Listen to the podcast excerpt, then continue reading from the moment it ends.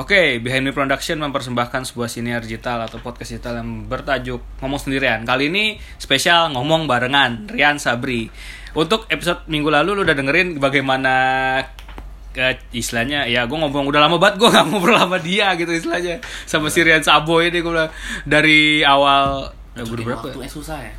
buka iya tapi tapi gue tetanggan sama dia bro. Dia beda beda Iya, tower doang gitu. satu- satu apartemen beda tower. Dan sebenarnya gue udah tahu kan sejak gue belum nikah dan sejak gue udah ada di apartemen ini gue bilang eh gue mau pindah ke sini nih apartemen sama katanya. Oh iya iya iya. Wah ini kali. Dan gue sebenarnya udah dan kita udah pernah sebelumnya. Oke melanjutkan kita ngomongin lu ilmu lu di agensi dan akhirnya lu bisa jual gitu istilahnya. Itu memang ya memang gue bilang tidak ada yang Yang sia-sia lah ya. ya sia-sia. Pasti ada inilah istilahnya eh, semuanya punya garis sendiri gitu. Tapi pernah gak sih? Gue pernah nih gue cerita. Hmm. gue itu adalah orang yang masa depan gue udah dikasih duluan sebelum di masa lalu gue di masa lalu di masa ini. Bentar, lo reinkarnasi atau gimana sih? nggak lu pasti nggak bakal percaya tapi gue udah pernah sering ceritain. Jadi gue lu pernah kayak Lo udah bisa melihat masa depan lo bakal jadi apa? deja vu. Oke. semacam deja vu. Gue nggak percaya gue percaya nggak percaya ya. Ini Lo bisa lihat masa depan gua nggak? Gua bakal nikah atau enggak? Gua ragu gua bakal nikah deh. Tapi lu pernah gak sih gini? Contohnya, gue tuh gue contoh gini bu. Nih beneran, ini beneran dan Ah, terjadi. ah. Da- kenapa gue akhirnya gue kenapa gue akhirnya gue suka apa ya? Percaya nggak percaya, tapi akhirnya gue bingung sendiri gitu. Hmm, Karena itu terjadi berulang kali dalam dalam dalam ada kayak skema waktunya. Contoh nih, contoh gue bilang, gue pernah, eh misalnya contoh waktu gue masuk SMP, SD, Hmm. gue gue gue gue waktu itu gue pernah mimpi gue jalan di satu SMP di di, di ngelewatin satu SMP Hmm. gitu oh gue cuma ngeliat SMP-nya gitu doang Hmm. It- ini real ya dalam Iya. kondisi real gue SMP berikutnya gue ternyata di pas ternyata gue di deja vu ternyata gue lagi diajarin sama guru bahasa Inggris di SMP itu I see. lu udah gitu gitu oh Hmm. ternyata ini tuh guru bahasa Inggris yang lebih tapi itu itu mungkin karena gue SMP itu agak samar-samar ya Iya iya iya. yang paling jelas adalah ketika gue kuliah Hmm. kalau tahu gue nggak lulus SNPTN Hmm, iya. gue akhirnya jalur mandiri Hmm. terus abis itu gue udah pasrah kita sebut aja gue daftar Gunadarma gue tuh daftar Gunadarma dan gue itu dikasih petunjuk mimpi itu banyak banget gue lagi bawa tas turun tangga Ah. kuliah Ah. mata pelajarannya mata kuliahnya ini begini begini dosennya ini tapi nggak semuanya kayak ngeblur gitu cuman gue tahu itu gue lagi kuliah gue lagi buku ada kuliah bangku kuliahnya Itu jelas lo dapatkan waktu mimpi atau gimana? mimpi Tidur jadi ya? beberapa mimpi gue bangun kan ini apa gue bilang gitu gue di Iya. mana pas Ah. gue bangun tuh gue di mana Hmm. Gue setiap gue bisa tes gue tes di beberapa contoh gue tes tuh di UI simak Hmm. terus gue tes di eh, unpad itu tes cuman eh unpad itu seleksi tapi nggak pakai tes Hmm. dia pakai tes SMPTN eh, nilai SMPTN gue hopeless pak SMPTN gue nggak masuk gimana yang itu misalnya Iya, iya, iya. waktu itu Hmm. gue akhirnya gue tes di UIN Hmm. UIN Jakarta di Ciputat Hmm. itu gue udah ngeliat bu gue sampai nandain gue masuk Gunadarma nih gedungnya begini kok kayak kok bukan kayak di mimpi gue ya I see. gue jadi kayak cocok-cocokan gitu kan Jadi Ini lo kayak lo kayak percaya apa yang lo lihat di mimpi itu akan memproyeksikan tapi lo pas tapi pas lu tapi gini loh lu ngerti nggak kayak Tapi lu pernah ketika nggak sadar jed- kayak ditabrakin gitu der kayaknya gue pernah lihat sih? sini Iya iya sih sih. jadi kayak dan lu lu mau tau akhirnya gue sadar ken- kenapa gue akhirnya di unpad Hmm. jadi ini realnya ya Ya. real jadi ternyata gue pernah mimpi kalau gue lagi duduk lagi sebenarnya itu ospek gitu Hmm. duduk gue pakai eh, alma mater Ya. dan itu gue lagi duduk di bawah dan ketika itu ada kayak ya track-track itu lo tau tatip lah ya Iya iya. yang kayak dis, apa yang kayak biasa yang bagian Iya. disiplinnya lah Hmm. terus gue kayak pas gue kebangun tiba-tiba gue kayak nyadar oh yang di mimpi gue kayak gini tuh Wah, makanya ketika kayak realita sama Hmm. mimpi lu yang sebelumnya itu tuh udah dikasih tahuin beberapa bulan sebelum lu kejadian jangan itu bu makanya gue gua agak deg-degan kan istilahnya kalau Iya. ketika kita tuh gini kayak gue kerja Nah. segala macam ini itu gue kadang suka lucu kan apakah gue kayak mikir kan Hmm. oke oke eh, ya oke istilahnya gue masih gue pasti berdoa lah istilahnya Iya iya. memberikan yang terbaik sih gue dan gue gue juga berusaha ya oke di situ makanya di situ kalau gue dari situ bu Iya betul betul. gue gue saking gue saking lucunya begitu Heeh. sampai yang lucu lagi adalah ini agak sedikit ini sih agak sedikit apa ya waktu gue honeymoon pun Hmm. gue bertemu dia bini gue Karena maksudnya? itu si bini gue Hah? itu dia ceweknya maksudnya dan itu udah, udah jauh banget sebelum itu. Oh, gue kayak oh kan gue honeymoon gue ke Singapura. Hmm, gue kayak oh eh jadi di sini tuh gue sama bini gue gue bilang gitu. Gue bener-bener kayak Zong kalau ketika lo berhenti gue kayak pernah ngalamin ini deh di mana ya? Gue berhenti gue mikir dulu seperti itu kalau misalnya gue nih. Hmm, I see, nah makanya istilah kalau gue balik lagi tadi tidak istilahnya Ya, masa lalu itu, bisa me itu enggak ini sih maksud gua dari segi rasional enggak tapi Ya, kalau menurut gua itu kayak beberapa orang ah, memang ada yang ada yang apa ya yang dikasih kelebihan lah maksudnya. Eh, ya gue juga gak ngerti sih akhirnya. Kalau misalnya kalau makanya kalau lu hal yang kayak gitu gue juga bingung gitu istilahnya. Hmm. jadi kayak apakah gue bakal ke kantor ini misalnya gitu Iya. apakah gue bekerja di sini jadi akhirnya gue punya prinsip gue gue cuma satu bu Hmm. kalau misalnya gue susah Hmm. entah itu tes entah itu interview Hmm. segala macem dan akhirnya gue tolak gue dan akhirnya gue tahu paling ini nggak jadi gitu tapi kalau misalnya bener-bener buat lu dan itu rezeki lu Hmm. itu bener-bener kayak dimudahkan semua gitu lu ngerasain Nah, nggak sih sih ya sih kalau di gua sih Nah kayak ketika lu di agensi dan akhirnya berproses? Nih, gue juga agak gue juga agak excited sih waktu gue liat, wih anjir Sabo MD gue ini buat ini nih sekarang kita. Sebenarnya kayak ini sih bos. Kalau kayak gue sih eh, umur kita kan bukan umur yang the real fresh graduate gitu gak sih? Maksud gue kayak yang fresh graduate tuh adik gue nih. Adik gue juga kerja barengan sama gue Oh, dia iya? dia kerja di Blibli kan relationship manager sekitar tiga bulan setelah gue keterima kerja dia keterima kerja. Itu gajinya sama lagi sih buat APS 2 terus kayak eh sebenarnya gue ini loh kalau kenapa sih waktu itu gue ngambil MT jujur eh gue ngerasa gue ngerasa salah satu advantage gue tuh gue gue lumayan supel. Maksudnya Hmm. kayak gue tuh bisa bergaul dengan semua orang lah. Mulai dari bos banget sampai kroco banget lah sampai Nah, ibaratnya mulai dari janitor sampai ke CEO kita bisa ngobrol. Nah apa yang dikejar dari MT itu sebenarnya exposure mus ya. Itu itu dapat banget dari MT jadi kayak lu di MT itu ya lu ketemu si ini lu ketemu sini segala macam dan ya uh, sorry to say MT itu udah kayak bonekanya kantor gitu. Jadi Hmm. kayak ini adalah uh, sosok karyawan yang memang dipamerin banget dijualin banget. Iya, dan mereka akan cenderung lebih lunak lebih Hmm. mendengarkan lu karena di mindsetnya pertama untuk mendapatkan lu tuh susah seleksinya ketat. Dia benar. Um, asumsi mereka tuh lebih pintar pintar lah dibanding sama yang pro hire. Sorry pro hire mungkin experience kalau MT lebih knowledge lah.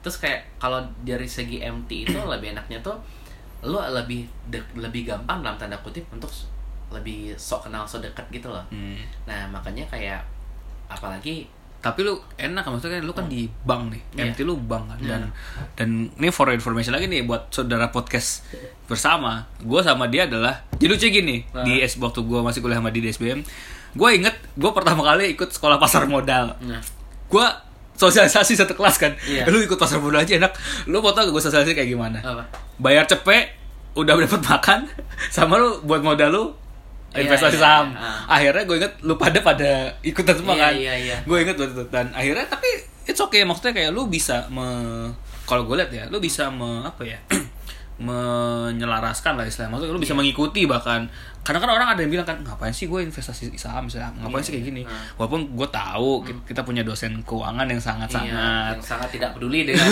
perkuliahan lebih peduli sama saham Sahamnya dia. dia. Kalau lu cuan, lu dapat nilai A. Oh, iya. Itu yang dikasih sama teman kita. Wah, gila gue. Wah, siapa sih bapak yang Pak Erman. Waduh itu gokil sih itu. Dan dia ternyata setelah kita selesai finance, dia udah gak ngajar finance Iya. lagi. Sangat sayang sekali. Padahal kalau misalnya portofolionya berantakan Wah. karena corona ya. enggak. Tapi gue liat, tapi memang bagus lah kalau misalnya kita punya dosen yang meng, ya meng encourage lah istilah yang menyemangati apa motivasi siswanya apa muridnya buat apa ya nah itu makanya justru kan itu bu gue ngeliat kayak lu kan awalnya kan kayak wih gue masih invest nih gue misalnya contoh waktu itu kan akhirnya lu masuk ke dunia keuangan bank Iya, sendiri kayak itu memang Tapi se- eh, maksud gua kita lu juga lu sekarang di industrinya keuangan juga Iya. kan finansial juga. Ah. Maksudnya itu kayak beda banget ketika lu berada di industri keuangan gitu loh. Hmm. Karena itu tuh lebih kayak kebayang itu nih uang mau dikemanain, nih uang mau dikemanain tuh jadi lebih terukur gitu loh. Iya. Maksud gua kayak gini loh. eh ya gua nggak tahu kalau di financial institution yang lain, tapi kalau di bank itu at least lu tuh dapat gambaran gitu loh karena lu memang dikasih tahu oh taruh uang itu di reksadana taruh uang tuh di bonds taruh uang Hmm. tuh di saham pilih saham A B C D reksadana ada reksadana uh, pasar uang ada reksadana ini segala macam lu lebih tahu masukinnya ke mana dan eh, kalau misalnya kita banding lah kita compare Hmm. Eh, gua tuh industri yang yang gua lumayan agak gua into banget itu kan dulu Nestle sama Frisian Flag Eh lu katanya gue juga inget lu cerita lu pengen buat di FMCG kan. Iya, awal-awal gue pengen banget di FMCG karena FMCG itu produknya kelihatan cuy dan produknya Hmm. dimakan kan, produknya Hmm. dikonsumsi kayak ini ini bayi lu nih, lu lu nalurin ini gitu. Hmm. Nah, kalau di Nestle dulu itu tuh benefitnya ini lu tuh bisa dapet uh, produk Nestle seharga 2 juta rupiah selama satu tahun. Itu salah satu benefit sebagai karyawannya Hmm. uh, extra benefit lah. Kalau lo di Frisian Flag, lo bisa dapat susu 12 liter satu bulan. Wah. Oke. Iya. Nah, kalau di bank, lo tuh benefitnya apa? Lo di bank itu lo dapat namanya tuh kredit karyawan. Oh iya tahu tahu. Nah, kredit karyawan itu let's say misalnya yang lain itu 3,6%, karyawan itu dapatnya 1,2%. Ya kakak gue juga gitu sih. Nah, lo jadi kayak dari segi finansial itu lebih nolong Ah. dan lo kalau misalnya di bank itu atau di financial institution kita biasa ngelola uang nih. Jadi kayak itu semakin membuka knowledge lo kalau orang kaya tuh banyak men. Kita doang yang miskin. Iya gue tahu. Lu lu mau tahu ya, dan dan gua dan lu mau tahu nggak? Jadi eh, nanti mungkin bahkan eh, bahkan gue bakal jelasin sedikit tentang Hmm. Sabo. Jadi gua di institusi, oke misalnya gua gua mau mulai startup lah, mau mulai Hmm. project startup gua yang yang eh, cryptocurrency istilahnya dan blockchain itu, gue melihat gila pertama kali gue masuk adalah gue biasa tahu oke saham memang orang berduit dan dan duitnya kita tahu itu dia membeli perusahaan. Perusahaannya ada bek. Hmm. asetnya ada laporan keuangannya jelas gitu. Terus gue bilang terus habis itu ketika gue jualan bitcoin misalnya dalam kutip kripto gitu gue liat, orang bisa men istilahnya kayak eh, itu duit nih misalnya. Contoh satu hari Hmm. itu tuh hampir kita sebut aja 100 miliar transaksi tuh bisa gitu istilahnya. Oke oke Oke, ternyata orang Indonesia peduli juga ya sama Bitcoin gue. nah, itu mungkin kalau di bank kan yang memang udah jelas gitu, Hmm. institusi, regulasi segala macam ABCD. Ya itu makanya. Makanya itu mungkin kayak kalau di gua benefit. Lu dapat ini sih. gak sih asuransi gak sih? Asal dapat.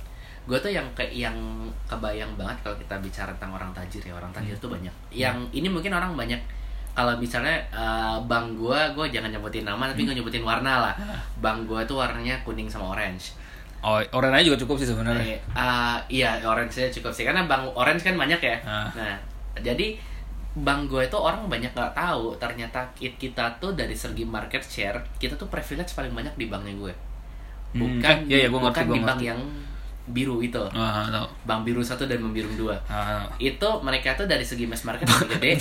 Bank biru negeri, bank biru swasta. Nah, bank biru negeri, bank biru swasta. Itu dari segi jumlah konsumer mereka lebih banyak. Tapi Iya. dari segi aumnya, uh, outstandingnya, privilege-nya lebih banyak di kita.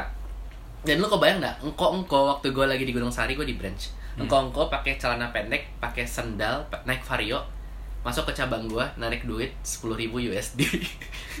Ah, gue sih gue sih gue sih nggak kaget gitu.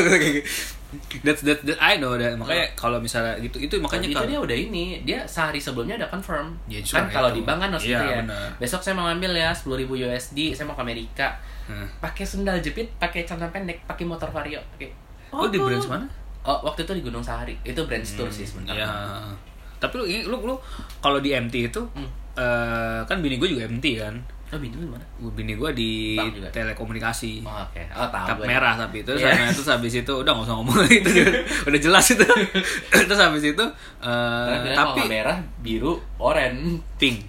Oh pink. Hah? pink. Telekomunikasi pink? Ada ada kalau tahu ya Hah? telekomunikasi cuma ada lima di Indonesia. Putih yang baru launching kemarin. Oke oke. Itu terus merah yang incumbent lah yang, paling gede- besar. paling gede, ah. Hah? yang biru, biru kompetitornya. kuning. Kuning Pink. iya. Oke pink pink adalah yang lu sering pakai modemnya? Oh iya sih. Yang do ya entah dia jualan dongle yang, dia al- terkenal yang always on ya? Buk ya itu yang ya itu putih. Itu buat ya udah lah oke oke. Ya itu itu pink gitu. Ah. terus for information gue sekarang di pink. Habis itu oh. Ya, terus nah, nanti itu nanti itu nanti. Ya, off record ya, ya. off record. Terus habis itu eh, oke eh, tadi sampai mana kan oh ya kan eh, eh, di bank makanya di MT itu kan lu ngalamin OJT OJT lu kayak gimana sih Nah. OJT pasti kan ada OJT ada kan? OJT jadi ada ada akademis ada ka- akademisinya enam bulan Hmm. eh empat bulan lah ada ambil empat bulan terus ada ujiannya juga terus ada OJT OJT itu berbeda-beda departemen Hmm. jadi kayak eh, kalau kita tuh istilahnya tuh ada LOB line of business jadi Hmm. ada kayak yang consumernya ada Anyway, ngomong sebelum lanjutin, gue sempet tes loh, ikutan juga yang mana? sama kayak lu. yang perusahaan Heeh. Cuma gue waktu itu kebetulan Ah. dia ngambil khusus buat di ini gue sebutnya di eh, bisnis eh, lainnya operasional. oh Ja- ODP oh, bukan ODP, itu juga istilahnya. Ah. Tapi eh, kan ada kan ada MDP, ada ODP kan segala Hmm. macam kan. Tapi itu buat itu di ka- apa ya kalau kita sebut ya programnya sama Iya. nama programnya sama cuman memang sebelum tes itu tuh keluarin dan lucunya bu ya gue kan ngeliat sebelah gue dari lulusan dari misalnya dari Amerika Australia Amerika segala macam nggak ada yang lulus oh iya mereka itu ada itu ada itu ada cerita menarik sih gitu makanya gue kayak gue bingung kan kayak oke nggak, misalnya gitu? kalau misalnya gue ngulang tes gue itu di uh, next next uh, period Hmm. mungkin gue nggak terima. Jadi itu ada ada fun fact sih di di bank gue ini. Jadi bank gue ini se- seorang tuh suka bilang kayak adiknya si uh, bank biru swasta. Oh ya karena kita mirip banget dari segi sistem. Tapi bukannya ada kepunyaan juga kalau gue lihat? Enggak oh enggak. Kalau kalau di tempat gue itu Eh, wait. 96% itu punya Jepang. Bukannya ada otomotif insurannya bukan. Oh bukan ya? Uh, parents company-nya itu financial institution dari Jepang. Oke. Nah, financial institution dari Jepang itu punya pabrik otomotif. ah I know. Nah, jadi Eh, dia tuh ngalirnya ke situ. tahu tahu tahu. Nah, ya intinya konglomerat Iya, seperti itu. Nah, jadi waktu itu uh, gue kan batch 4 Ah. Batch 1, batch 2, batch 3 Itu banyak ambil dari luar negeri. Gue batch 3 kebetulan. Gue batch 4 Ah, enggak waktu gue tes ya Oh, lo tes batch 3 nya Ah, ah. Nah, jadi itu banyak ambil dari luar negeri Seakan-akan kayak semacam pride gitu loh Ini dari UK, ini dari US, Terus? segala macam Ini dari Jepang gitu Nah, pas di Jadi kayak Waktu itu gue nggak tahu Tapi ini isu doang sih Ah. Kenapa sih jarang banget ngambil yang lokal Lokal lokal university Ah, Bolehlah penetrasi ke eh, kampus-kampus Salah Hmm. satunya ITB kan Gue Ah. kan masuk lewat jalur ITB ah. Lewat yang email kampus itu gue nggak pernah kalau gue gue di mailing list nggak pernah nggak pernah gue masukin Ah. tapi gue nggak pernah dilanjutin Oh, Fair- ya. untuk nih kita sebutin Hmm. BUMN berapa kali ada Iya. kan jalurnya kan Ah. dari mailing kampus kan Iya. terus abis itu bank swasta ya. ya gue nggak ngerti apakah memang kita langsung diproses maksudnya entah itu disampaikan kan biasanya kan ya itu diproses atau disampaikan ke pihak perusahaan atau memang lebih baik lu direct ke pihak perusahaan Pos- itu Oh, I see.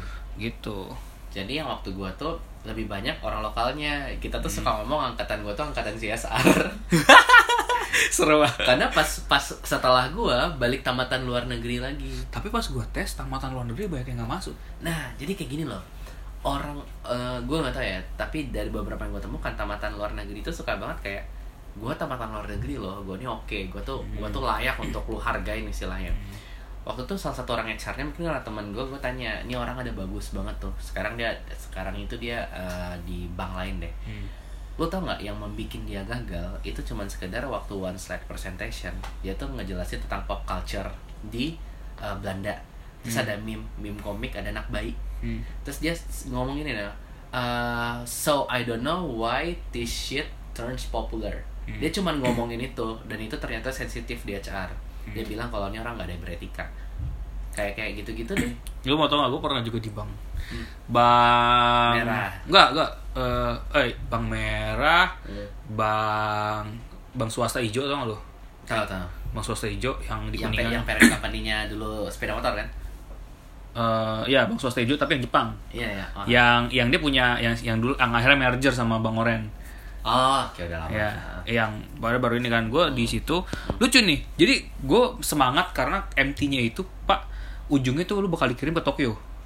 nah lah Nah, Hmm. lucunya gini, ini yang ya ngeselin juga ironinya adalah Hmm. dia jadi gue tiba-tiba gue gue tiba-tiba gue tidak merasa gue tidak merasa yakin sama ke eh, psikotes online gue. oke Entah kenapa gue masuk ke tes berikutnya yang Ya. jadi tes penentuan terakhir. Hmm.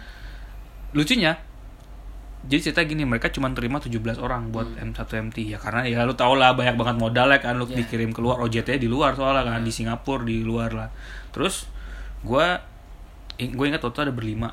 Dia bilang si HR bilang ini eh, kita tinggal butuh empat orang lagi ya. Lu mau tau nggak gue satu satunya nggak diterima gue ngeliat kan gue kenalan sama mereka gue nge-add LinkedIn mereka masing-masing kan. Kenalan kenal ada yang staff apa ada yang kerja di Iya. apa government lah. Ya maksudnya sebagai staff uh, outsource lah istilahnya. Iya. tapi pas gue cek mereka LinkedIn mereka semua begitu semua total lah. Gue wah gue doang nih berarti yang masuk. Ya udahlah sih ya gue ada hikmahnya positifnya. Ya justru karena itu kan gue dari 24 oke, orang yang lamar KFC cuman Jack Ma yang gak keterima kan? Iya. KFC atau Gue McDonald's. gue bilang ke kayaknya, gue nggak lu terbuka kan? Iya nanti gue beli sih usaha lu gue gitu. Gue gue gue istilah gitu makanya. Nah tapi balik lagi nih Bo, Hmm. masalah MT. Ya, masalah OJT Eh, tadi ya. ya OJT. Maksudnya lu kan berarti kan MT itu kalau gue ngeliat memang kayak di jelas gitu programnya. Lu dari bener iya. dari awal Iya. dijelasin ilmunya. Betul. Bahkan istilahnya orang yang dalam tanda kutip anggap aja dia sarjana fisika lah. Jadi istilahnya bisa fisika atau bahkan sastra Rusia, dia bisa masuk ke perbankan jadi seorang bankir gitu Bisa, istilahnya. bisa. Tapi kayak eh, lebih tepatnya gini lah. gue tuh punya teman kriminologi, Ah. kriminologi UI. Dia tuh masuk MT kan. Hmm. Waktu itu ditanya apa sih korelasinya sama kriminologi sama MT. Hmm. Nah itu bisa dibilang cara dia mau menyelesaikan masalah itu yang dibutuhkan. Gimana Hmm. caranya cari root causes kan kriminologi ber- berkaitan berkaitan sama problem sama Nah. skandal gitu-gitu. Nah point of view itu yang diperlukan yang dicari. Fishbone analysis. Nah, ya, ya. semacam semacam itu itu. Hmm. Nah, itu, itu Nah. makanya gue juga ngeliat kayak ya memang kalau misalnya contoh ya Hmm. suatu sih gue ngeliat makin sini ya Hmm. istilahnya gue di gue ketika gue pindah pekerjaan Hmm. industri gue beda jauh lah istilahnya sekarang Hmm. terus uh, gue ngeliat kayak oh ternyata MT itu bener-bener kayak ngajarin lo semua karena ketika lo if kalau lo direkrut sebagai experience gitu Hmm. atasan Nggak, lo bahkan bahkan istilahnya ada gegar lah istilah gegar gegar profesi industri lah Hmm. kalau gue mungkin gue terbiasa di industrial keuangan gitu misalnya Iya. kalau gue experience pun gue berani gitu gue gue Iya, gue beri lu pernah mana di industri keuangan gue pernah begini begini begini begini begini Hmm. investasi begini begini gini Hmm. Gue inget bo memang kesalahan gue ketika gue uh, interview di buat yang MT itu yang di bank itu. Hmm. gue mengaku kalau misalnya ah gue agak lemah di jualan funding. Bukan funding. Hmm. di nyari funding ya segala macam model RM lah Hmm. gitu. Gue agak lemah funding tapi kalau di investasi gue bisa dia atur lah gitu Hmm. perhitungannya segala macam. Tapi dia memang pernah bilang tapi kan kalau MT lo harus belajar semua. Ya. Iya sih. Gue bakal kebuka tapi ya pada saat itu adalah yang salahnya adalah gue malah ngobrolin karena gini karena yang diperlukan orang funding ya. em, ya one of one of kind of that. Tapi mungkin istilahnya mungkin ya kesalahan gue pada saat itu adalah gue eh, langsung menyebutkan lah spesifikasi. Karena gue tahu sebenarnya itu paling gue ngeliat Sensitif ya? sensitif untuk MT kan lu nggak boleh. Istilahnya eh, kayak Gua pengen di sini. gue pengen di sini misalnya gitu lu lu misalnya kalau di lembaga bank di mana akhirnya sampai gue sampai dibilang tiga kalau kamu lagi tempatin kamu mau tempatin di mana Hmm. tapi gue harus bilang karena istilahnya itu kan lo keterbukaan Itu- kan Itu common sih. Benar, istilah. Oh ya udah akhirnya ya gue pas pas gue ngeliat itu oh ya udah God have way gitu misalnya. jadi God have a plan ya udah Gue waktu interview terakhir, Hmm? Gue kan orangnya emang agak-agak bangsat ya. Gue Hmm. tuh ngeliat ini ada tiga nih. Ada satu bapak-bapak tua, ada satu bapak-bapak pintar, ada satu bapak-bapak galak. Hmm. Gue ngerasa nih yang paling tinggi bergening position siapa? Yang tua dong. Nah, Nah, gue tuh play karakter sebagai orang yang humble, lunak, sopan Hmm. gitu. Waktu itu ditanya, eh, dia nanya, kamu eh, pengen dia placement di mana? Dia bilang, gue di awal bilang, saya pengen marketing pak. hmm. Ken- Kenapa? Eh, saya dulu pernah bekerja pak di agensi.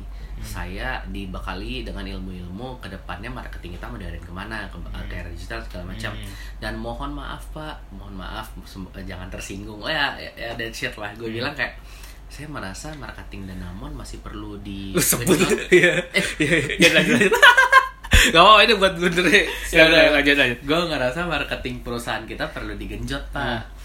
Eh, karena itu nggak nggak kedengaran banget di sosial media gitu gitu.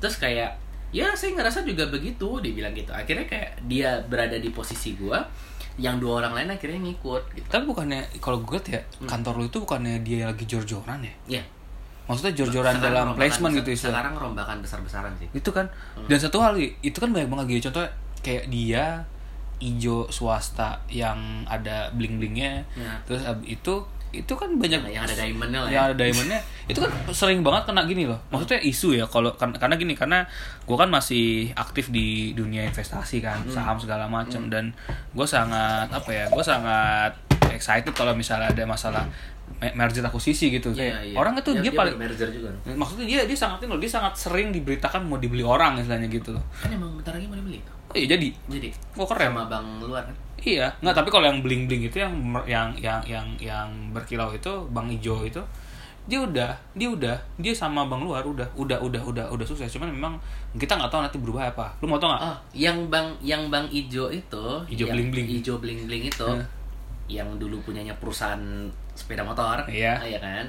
Itu bentar lagi mau dibeli sama udah bang luar. udah bang Dan luar namanya itu udah nggak bang itu lagi. justru karena itu gue kan ngurusin gue pengalaman gue kenapa gue Hmm. itu gue ngurusin merger acquisition juga soal di Karena projectnya uh, produknya itu nggak apa ya? Produk consumer itu nggak inisiatif banget. Aku apa ya? Mereka tuh bikin produk inisiatif sih sebenarnya. Hmm. Tapi kayak ya itu kayak iklannya bagus segala macam. Tapi dari segi positioning, dari segi manajemen apa ya? Bisnis strateginya dari whole manajemen itu nggak terlalu bagus. tapi dia karena gini kalau gue ngeliat adalah Dulu yang bikin dia hidup kan karena parents company-nya itu. Nah justru karena itu, gue kira tadinya dia mau di merger sama parent company-nya. Parent company-nya justru Rugi lebih lebih. Lo mau tau nggak HR parent company-nya itu adalah om gue sendiri. Iya. Jadi ketika apa eh, apa istilahnya gue gua ngobrol gitu. Hmm. Jadi nggak sih gitu. Au ah katanya. Akhirnya parent company ngelepas. Iya iya. Akhirnya semuanya ngelepas. Bagusnya mah lepas sih. Iya memang, tapi memang gue ngeliat kayak gue sebagai investor kecil-kecilan, Hmm. gua dia adalah bank pertama yang gua masukin dananya kecil sih cuma satu cuma 2 juta Hmm. cuman gua ngeliat kayak Potensinya ini ya. maksudnya ini bank swasta hijau bling bling ini sama merah Hmm. merah merah swasta itu kayak lebih bagusan dari secara kerja lebih bagusan bank iya, bank merah swasta Merah swasta yang dari luar atau yang dari lokal? Itulah yang yang satu parent gabung. company, yang yang parent parent company-nya satu developer itu loh yang sering Oh. bikin bikin di Puri Iya, mall-mall iya, iya. Oh iya iya iya. yang spesialis mall kayak gue ngeliat kayak ya kalau gue dari Tapi kalau di bank itu mus itu ada kayak eh, bank itu kan ada kayak bank peringkat nomor berapa. tapi lu sempat ngelak kan lu di MT lu sempat ngalamin funding nggak Gua ngalamin funding, sekarang gua ngurusin funding. ada target nggak Ada lah pasti. Sebulan berapa karena gini, kan lucunya temen gue di kuning Hmm. kuning swasta yang satu grup sama TV Hmm. terus habis itu Oke. eh, dia pernah nanya mus beli Progodo deh nanti gue balikin lagi Iya, iya. Maksudnya 150 juta ya gue tanya bokap lu gue gitu Karena gue sekarang lagi megang project ya, jadi kayak gue tuh lebih mikirin kayak ini produk mau dibawa ke mana. Hmm. Eh, mereka tuh sekarang masih punya produk produk manager. Nah, Hmm. gue tuh lebih ke supportnya dia, Lu nggak- dari segi strategi dan lu nggak lu nggak ikutan kayak teman kita si Pandu Hmm. kan dia ini WMP World Management itu dia certified Oh, world management gue nggak. dia Gua dia nggak. nggak dia ada nggak sih di di lu Ah, enggak, Program? kita nggak ada. Oh, nggak ada maksudnya kayak si orang ini Tapi nih karyawannya mungkin ini. ada sih kelihatannya. Jadi Itu- kalau kalau di kita tuh kayak targetnya biasanya kalau dari consumer nih Hmm. target total satu consumer berapa? Nah itu baru dipecah-pecah. Target credit card berapa? Targetnya loyalty program berapa? Targetnya privilege berapa? tapi lu ngurusin semua nggak Gua ngurusin loyalty program sih. Oh kalau itu bagus masih masih lah masih masuk karena kalau masalah credit card itu masalah kadang-kadang enaknya loyalty program tuh gini bro, itu banyak orang kayak ya sorry tuh saya sih mereka nggak ngakalin pajak dan segala macam. Akhirnya kayak ya udah uangnya dibuang ke mana gitu. tapi lu lu kan kalau nggak salah di procurement ya Gua sekarang procurement integrasi sama produk sih. oh gitu Jadi gua berdiri di dua kaki. Maksudnya oh Da- Jadi uh, BAU gua, Hah? business as usual gua procurement. Hah. Tapi project gua itu consumer. tapi bagus lah kalau misalnya lo maksudnya di di involve ke situ Iya. gitu dan istilahnya apa ya kalau gue memang istilahnya dan udah procurement berapa lama berarti Hampir enam bulan. sejak sejak lu eh, maksudnya kan Uh, ada kan setelah- ada program nih Iya, setelah selesai akademik sih. Eh, Abis akademis gua ada ujian, abis ujian gua di procurement. Oh itu ujiannya apa kayak gimana sih ujian MT itu Presentasi sih. presentasi doang ya? Presentasi. banyak sih gue juga itu yang gua angkat topiknya yang gua dapetin di agensi dulu juga. tapi maksudnya kalau misalnya penting istilahnya kalau gue sih eh, prospeknya bagus sih bini gue juga duduk pernah di bank di bank merah swasta Hmm. jadi dia pernah ditanyain dia adalah RMDP Oh RMDP. RMDP ujungnya di RM kan dia tidak RM dia lah. Mm, not bad lah istilah sebenarnya cuman memang dia tidak itu. dia tidak dia tidak terlalu apa ya Nyaman ya? nyaman sama Riba. sama Lo kalau ngomong riba berantem sekarang mos. eh gue ngurusin lebih gini lagi Oh, iya.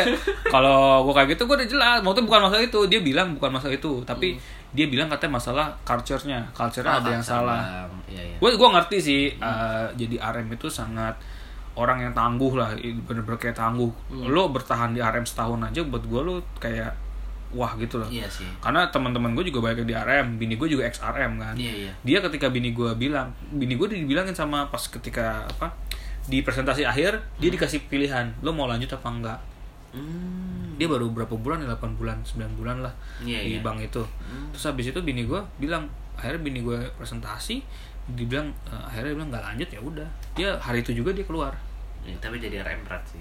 Iya justru karena itu satu nggak gini bukan bukan lu gini ketika lu dikejar Lu- sama lu target laporan keuangan banget sih. di ya justru karena itu lu lu karena lu dikejar target lu dihadapkan dengan budaya yang ambisius Hmm. lu nggak bisa eh, ambisius tapi di saat lu kita sebutnya kalau bahasa startup tuh agile ya istilahnya Iya, iya, lu agile. lu, lu harus agile kan istilahnya Hmm. tapi ketika lu dituntut untuk agile tapi ketika lu di berhadapan sama birokrasi lu nggak bisa agile gitu itu yang waktu itu bini Iya. gua hadapi gitu karena gue tau lah kan birokrasi berlapis-lapis Iya. ya akhirnya bini gua masuk ke MT yang lain tapi memang di situ gitu Itu salah satu juga yang bikin kenapa sih eh, bank itu geraknya nggak sekencang fintech. Hmm. Karena fintech itu nggak ada regulator kan. Sekarang mau diregulator sama BI. Tapi kalau OJK untuk ya? oh, eh, enggak enggak. Eh ya OJK Cuma- bukan BI. ah, OJK OJK. doang BI kagak. Nah, untuk bank, bank swasta itu regulatornya dua, BI, OJK. iyalah. Kalau Kan- bank neg bank pemerintah regulatornya tiga, satu lagi Kementerian Keuangan. oh iya pasti. Itu alasannya kenapa ya kita yang di bank itu inovasinya suka mandet kayak gitu. jangan kali itu gue lu mau tau gak bu? Gue jadi gini. Hmm. kalau tahu gue itu tesis gue sebelum gue masuk ke cross cultural leadership gue neliti gue neliti fintech gitu jadi jadi gue kenal sama salah satu uh, senior IT di fintech Iya. fintech P2P lending Hmm. yang ungu Tahu. Ya, nah itu itu itu gue pernah gue hampir mau ngangkat itu gue mau ngangkat kan karena gue sama Pak Hari yang dosen HR Ya. jadi gue mau ngangkat budayanya di fintech karena beda karena gue ngerti loh jadi gue bilang tadi bener bank bank bank common bank gitu. Ini corporate bank serius banget orang kita, gue sadar deh. Terus, Hah? terus obrolan kita serius banget. Enggak, ini justru gua gua ini justru kalau gini ini apa angka angka Iya, pendengar iya. gua naik deh. Jadi Terus, terus. apa eh, bank yang maksudnya fintech istilah gitu, Hmm. bang sama fintech yang startup istilahnya hitungannya itu kayak jauh banget gitu. Gue diceritain sama teman bokap gua. Waktu itu gua lagi pusingan, gua mau tema tesis gua apa. Hmm. Terus gue bilang, kamu coba aja kenalan sama ini, ada nih senior IT-nya di fintech ini. Kamu tau gak sih fintech? Fintech, gue bilang. Gue kayak ngeliat kayak, karena gue sangat excited dengan keuangan gitu, Iya, industri keuangan. Gue kayak, wah ternyata ada Boleh inovasi lah baru, boleh lah. Maksudnya kayak mereka bergerak lebih cepat daripada bank istilahnya gitu. Hmm. Justru karena, justru karena itu gue kayak, wah di situ gue akhirnya masuk. Sampai pada akhirnya gue masuk ke pekerjaan gue yang Hmm. dulu istilahnya kayak, gue begitu gue, oh ini uh, new way of, misalnya kayak ini bentuk baru dari bank, bentuk Iya. baru dari bentuk baru dari lah ya. transaksi gitu bentuk baru bahkan bentuk baru dari duit gue oke lah maksudnya gue bilang setelah saat itu ya Tapi lu sadar gak sih kalau lu ngikutin makin ke sini fintech nggak ini banget. Maksud gua Nah, ini, pada ini, saat ini fasenya fintech itu pada decline. nah justru karena gini kalau gue ngatnya boy ya jadi adalah dulu 2000 kita hitung 2018 lah kita lulus ya Hmm. itu eh, 2017 lah 2017 2018 itu lagi bubble fintech lagi bubble Hmm. lagi namanya lagi naik lah orang-orang pada investor pada uh fintech begini gini gini Iya, gini iya. mau nih ngeluarin duit buat fintech Seolah menjanjikan lah ya. tapi eh di situ belum jadi lucunya adalah gue nyemplung di bidang yang unregulated sebelumnya Iya iya. sekarang udah regulasi kan udah ada regulasinya kan fintech kan udah ada apa ya udah jelas lah udah ada SK segala macam turun kan regulasi dari OJK POJK nya. BBI juga udah ada kan. Iya iya. terus habis itu gue kayak wah gokil juga ya. Nah sekarang industri gue yang industri gue yang kripto ini juga udah diregulasi gitu. Jadi ya oke pokoknya kayak gue kayak Iya. kerjaan gue kayak buat gue sih kalau enak ya maksudnya kalau gue gue orang ngeliat gini loh eh, masalah yang balik ke MT nih. Gue adalah orang yang di hire sama di industri baru Hmm. yang gue sendiri masih sejujurnya blind Hmm. karena dia awalnya meng, meng hire gue untuk teknologi adoption gue kalau gue new teknologi adoption gue gue bisa lah gue berani Hmm. karena kan perusahaan gue kan bukan cuman crypto blockchain itu kan new, Iya, iya. new teknologi adoption kan berarti bagaimana lo ngambil secepatnya Hmm. Maksudnya kayak lo bagaimana lo bergerak cepat perlahan-lahan lo adopsi teknologi baru karena perusahaan gue perusahaan teknologi pak Iya. telco iya Hmm. basicnya tapi perusahaan teknologi Hmm. tapi ketika gue disuruh di di telco dulu nih misalnya gue nyemplung di industri yang gue sendiri tidak tahu gitu istilahnya. Iya, yang gue belum pernah pengalaman di situ. kuasai lah ya. Gitu. Maksudnya gue juga sih kayak oh ternyata MT itu belum orang yang dari bini gue kan dari telco nih tapi Iya. dia dari MT kan. Dia Iya. lebih paham daripada gue istilahnya. Dia dari awal banget diajarin telco nih pengantarnya gini. Iya. kalau gue macuk jebret. Lo disuruh gue gue disuruh kayak eh mus ini eh, tolong dong ini kita eh, mau ada produk gue bikin produk telco. Gue kayak oke ternyata begitu nah itu sih makanya kalau gue sih ngeliatnya positif consnya apa nih kalau lu dari MT nah, kalau dari lu Kalau prosnya yang pertama lu Hmm. akan ada selama sekian bulan lu nggak kerja dan lu digaji. Itu enak banget. Terus yang enak yang dari sini maksudnya kayak eh, beruntungnya kita eh, background kita bisnis gitu. Dan sedikit banyaknya kita kebayang ini ini mau dibawa ke mana. Hmm. Apalagi kayak kalau lu punya knowledge di komunikasi, marketing dan itu kan sangat membantu kan. Hmm. Dan itu akan lebih berasa lagi manfaatnya sama teman kita yang backgroundnya itu bukan bisnis atau backgroundnya nggak eksak Hmm. misalnya kayak teman gue yang backgroundnya eh, apa ya contohnya ya met- metalurgi deh contohnya Ada ya? metalurgi ada ada metalurgi atau yang paling berseberangan banget itu misalnya sastra Belanda misalnya wah iya, nah iya. itu kan kayak mereka kan nggak pernah ngurusin keuangan itu seperti apa mereka tuh lebih mikirin literatur dan segala macam Mhm. itu Esten ya iya iya Iya, gue Esten juga. lanjut lanjut Nah, Eh. terus kayak ya itu mereka diajarin banget di situ Ah. dan tambah lagi dididik itu dengan company company culture-nya maksudnya kalau misalnya gue nggak dari MT terus gue langsung masuk ke eh, bank gue sekarang. Bisa jadi gue akan mengerjakan perusahaan itu dengan gaya Nestle gue dulu atau Oke. gaya agensi gue dulu. Ah, itu sih terus yang paling yang enaknya banget sih yang gue rasain kalau lu memang tipikal orang yang supel. Ya gue kan gue nge-gym bareng tuh. Hmm. kadang gue nge-gym bareng director so, so asik aja sih. Atau misalnya tuh kayak ada eh tapi dapat benefit nge-gym gak sih? Ah, enggak karena di situ kan semua terukur sama uang pak. Kita Iya. bayar sih iya kayak terus kayak gue tuh ada salah satu salah satu bos gitu lah. Itu kita bisa sampai makan bareng kita bisa ngerokok bareng gitu loh. Dan Hmm. mereka tuh kayak ya udah eh, teman gue ya anak MT ini gitu. Cuman gak enaknya adalah lu jadi public enemy. Itu nggak bisa dipungkirin sih maksudnya public enemy gimana? Kalau misalnya lu lu tuh nggak tipikal orang yang ngobrol sama orang lain orang tuh ah apaan sih anak MT so oke banget di sini dua bulan mendadak mau jadi bos kan lu tau gak sih Iya. sirik-siriknya Oh, pro hire? korporasi korporasi sirik-siriknya pro hire bukan bukan for hire dong itu korporasi Iya, pak korporasi. karena kayak awal-awal itu orang lihat MT ah MT so oke so asik so, kayak sosok pintar dan Nah. kadang juga di image orang adalah anak MT itu kan belagu gitu loh Hmm. Jadi kayak ya lo harus menangin hati mereka lo harus kenalan sama mereka hingga akhirnya mereka bisa menerima keberadaan lo Nah ini yang gue dengerin ini mitos nih. Gue mau nanya dari lu dari sudut pandang MT di bank. Kan ter- memang kan MT ini kan tergantung eh, perusahaannya lah ya. Iya. Skalanya berarti. Nestle MT gitu Nah, nah enggak gini maksudnya lu di MT perbedaan nih ngomongin benefit ya. Hmm. Perbedaan ketika lo sebagai S anak MT dengan lu sekarang udah dari penempatan berarti kan? Hmm. Itu gimana? no MT gue belum kelar Oh gitu. MT gue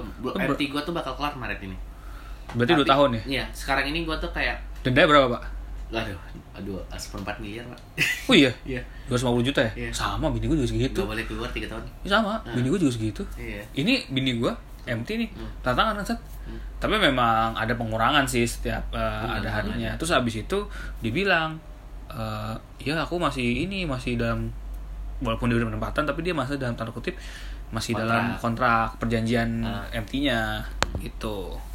Terus gimana? Maksudnya apa tadi pertanyaan gue lupa pertanyaan apa tadi eh apa? eh, nggak boleh keluar. nah Terus konsnya apa? oh kalau kalau konsnya sih yang lebih gue rasain gue kan Februari ini jual 8 ya Eh. maksud gue tuh kayak gue nanti bakal keluar dari bank gue sekarang itu di umur 30 dan itu kan- Tapi enggak, Eh, tapi bukan bukan gue akan keluar ya gue bisa keluar Itu Enggak, tapi buat 30. gini? Hmm. Oke, misalnya kita nggak usah ngomongin umur karena itu agak ini ya. Iya. Tapi nggak menurut lu nih, eh apa ya?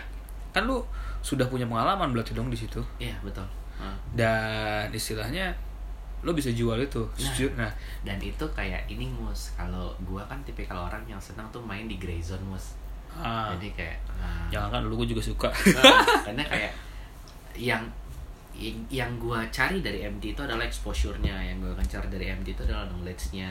Dan sekarang ini kayak uh, dengan dengan uh, ability gue ngobrol Hmm. gue kenal dengan banyak bos lah gitu kan. Hmm. nah tapi gue tuh bisa ngeyakinin si bos ini pak saya eh, nggak pure MT loh. Saya punya pengalaman tiga Hmm. tahun. Jadi ibaratnya lo perlu MT gue bisa lo perlu eh, experience gue bisa. Gitu kayak gitu. Nah, lu- tapi lu masih tapi lu gini gak sih? Lu masih melihat kalau gue ya Hmm. gue adalah orang yang apa pun yang gue kerjakan itu buat gue itu experience jadi gue menilai gini Hmm. gue pernah punya kalau nggak salah gue pernah nge-share dan gue punya gue pernah nyetak baju satu buat gue pribadi Iya. Eh, fresh graduate doesn't mean zero experience iya iya iya nah itu itu baru gue tuh baru gue pegang itu karena Iya. ketika lu nih di MT nih Hmm. lu masih dianggap fresh graduate gak sih kalau gue pribadi jelas enggak lah di luar lu. Karena karena kalau kalau gue kan ya orang bisa baca portfolio gue kan. Ah. tapi kalau sama yang lain mereka tuh ya fresh graduate dianggap fresh graduate. Ibaratnya kayak eh, ya sayangnya mereka kayak ya udah dulu kuliah ngapain? Oh kuliah organisasi. Oh ya udah fresh graduate gitu lah. Bahkan eh, mungkin ya balik ke personal masing-masing sih. Kalau Hmm. misalnya gue di posisi mereka ya gue bakal menjual saya memang fresh graduate pak. Tapi saya dulu pernah lalalalalalala bisa gitu kan. Tapi kayak untuk beberapa orang yang uh, bargaining position yang nggak kuat ya mereka kalah di situ. Dan dan banyak kebanyakan yang gua rasain ya uh, mungkin karena mereka masih muda-muda ya. Karena yang MT ini kan rata-rata empat tahun di bawah Eh. gua pak. lu ada maksimal umur? Ada. Berapa? maksimal gua kemarin 27 oh iya? Nah, iya sih. Gue nyambang batas sih. Rata-rata kan dua umur Nah, tapi setidaknya lu masih bisa.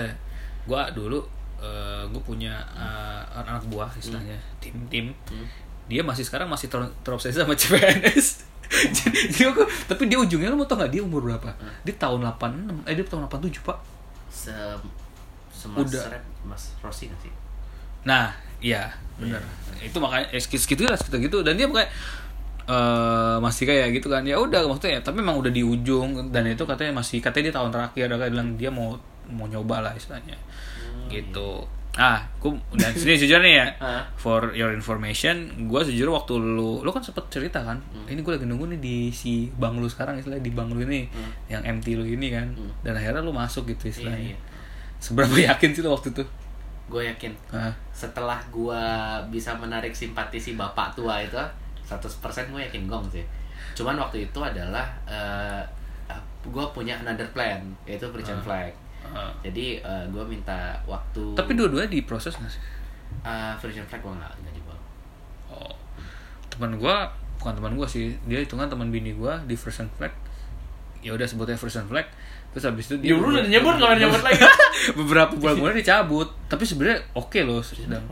oke maksudnya tapi tapi dia dia tidak cocok dengan cara kerjanya yang terlalu di luar oh sih kan dia harus keluar kan gue mungkin karena karena gue abis dari Nestle gue pindah ke agency gue merindukan uh, suasana MNC gitu lah multinational company Iya. gitu makanya gue prefer Christian Flag at the moment Oke, kita langsung aja eh, terakhir ke penutup. Eh, ini kan lu sebagai anak, ya lu pernah lolos MT, ada pengalaman MT. Eh, tolong dong kasih eh, kasih insight buat temen-temen yang mau MT.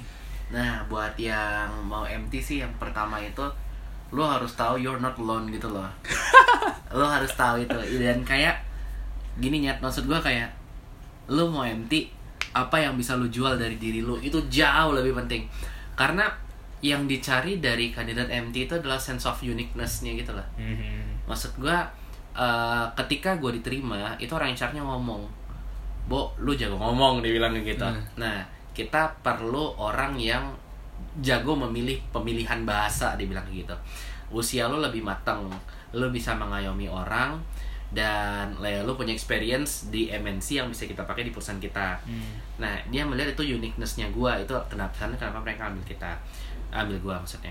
Dan banyak banget orang itu kayak, oke, gua pintar, then what gitu. Nah, Ah, gua dulu pernah organisasi nasional, ya then what gitu. Jadi kayak apa sih yang membuat lu tuh berbeda dengan orang lain itu jauh lebih jauh lebih penting. Makanya kalau bilang tamatan luar negeri, tamatan luar negeri banyaknya, apalagi semenjak regulasinya Donald Trump kan. Jadi kayak find your uniqueness itu jauh lebih penting. Nggak harus jadi advantage point lu, tapi lu tuh unik. hmm, Nah, setelah itu point of view-nya diputer.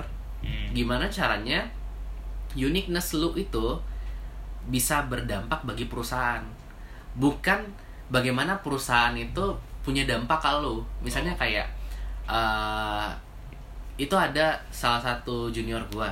Dia itu pariwisata.